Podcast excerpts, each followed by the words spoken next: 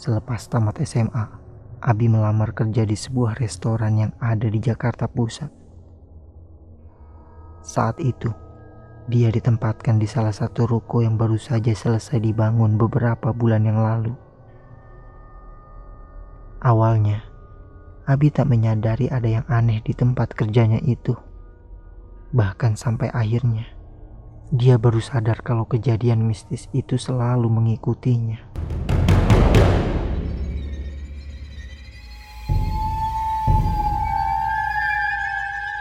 Saat Abi pertama kali datang ke tempat kerjanya itu, dia memilih untuk parkir di basement. Tapi anehnya, area basement yang cukup luas itu hanya diisi beberapa kendaraan. Bahkan jumlahnya bisa dihitung dengan jari.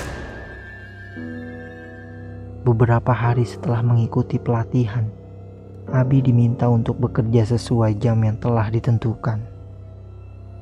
Dia pun harus terbiasa dengan shifting kerja yang bisa sampai pukul 10 malam.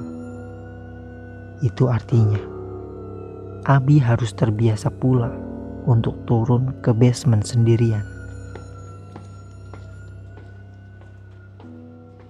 Malam itu, suasana basement sangat sepi hanya tersisa motor Abi yang masih terparkir di area basement. Abi tak merasa aneh karena mungkin memang sudah malam sehingga kondisi basement jauh lebih sepi.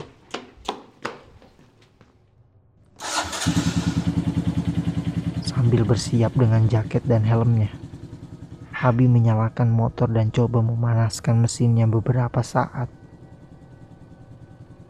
Saat motor menyala, Lampu motor berwarna putih itu menyorot ke arah seseorang. Jaraknya sekitar 10-15 meter dari motornya itu. Seorang laki-laki tersorot lampu begitu jelas. Karena takut mengganggu, Abi segera mematikan lampu motornya itu. Samar-samar Abi menebak kalau orang itu adalah pekerja bangunan. Gerak-geriknya terlihat seperti sedang mengaci tembok di bagian ujung basement sana. Kejadian yang Abi anggap wajar itu ternyata mulai mengganggu dirinya.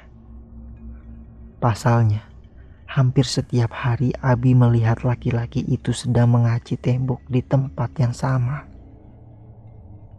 Sesekali, Abi coba menyapa laki-laki itu dengan membunyikan klakson motornya. Dia hanya mengangguk. Rasanya tak puas dengan itu. Abi pun pernah menyapa langsung dari kejauhan. Tapi lagi-lagi, sapaannya tak disambut dengan hangat. Kejadian itu terus berulang setiap harinya. Abi selalu melihat kuli itu sedang mengaci. Dan di sinilah Abi merasa semakin janggal dengan kehadiran laki-laki itu. Keesokan harinya, Abi semakin penasaran dengan sosok laki-laki itu. Abi memutuskan untuk pulang malam, walau seharusnya dia pulang lebih sore sekitar jam 9 malam. Kondisi basement cukup gelap. Lampu hanya menyala di area motor. Selebihnya, Abi coba mengarahkan pandangan ke tiap sudut basement.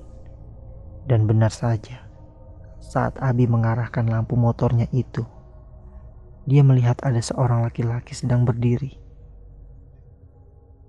Abi sengaja tak mematikan lampu motornya dia terus memperhatikan laki-laki itu. Tak ada yang bergerak. Laki-laki itu hanya diam dengan tangan kirinya yang memegang ember. Sementara itu, tangan kanannya memegang sendok semen. Dengan rasa penasaran yang dicampur rasa takut, Abi menarik gas perlahan. Tak butuh waktu yang lama bagi Abi untuk sampai di dekat laki-laki itu. Dan saat jarak mereka hanya sekitar 2 meter, tak ada jawaban apa pun. Laki-laki itu masih diam mematung dan tak berucap satu kata pun. Karena tak ingin mengganggu, Abi memutuskan untuk putar balik dan keluar dari basement. Tapi lagi-lagi, rasa penasarannya mengalahkan rasa takutnya. Abi kembali memanggil laki-laki itu. Pak, masih kerja?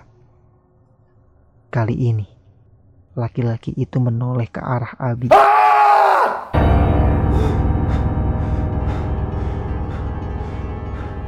Abi langsung berteriak sekencang-kencangnya. Suaranya seperti teriakan yang paling kencang yang pernah ia keluarkan. Dan di hadapannya itu, Seorang laki-laki dengan tangan memegang ember menoleh ke arahnya. Wajahnya pucat dan terlihat ada sesuatu yang menusuk di matanya. Kali ini, rasa penasaran Abi menghilang. Semua berubah menjadi rasa takut yang begitu besar dan membuatnya langsung tancap gas keluar dari basement.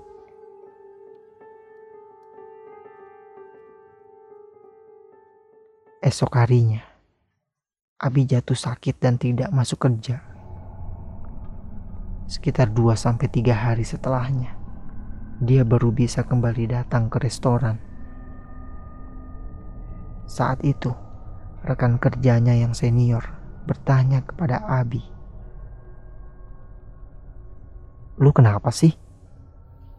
Tahu gak, sebelum gue sakit kemarin, gue sering banget lihat orang bawa ember sama sendok semen di basement. Dan kemarin, gue deketin orang itu. Mukanya pucat. Terus keluar darah dari matanya.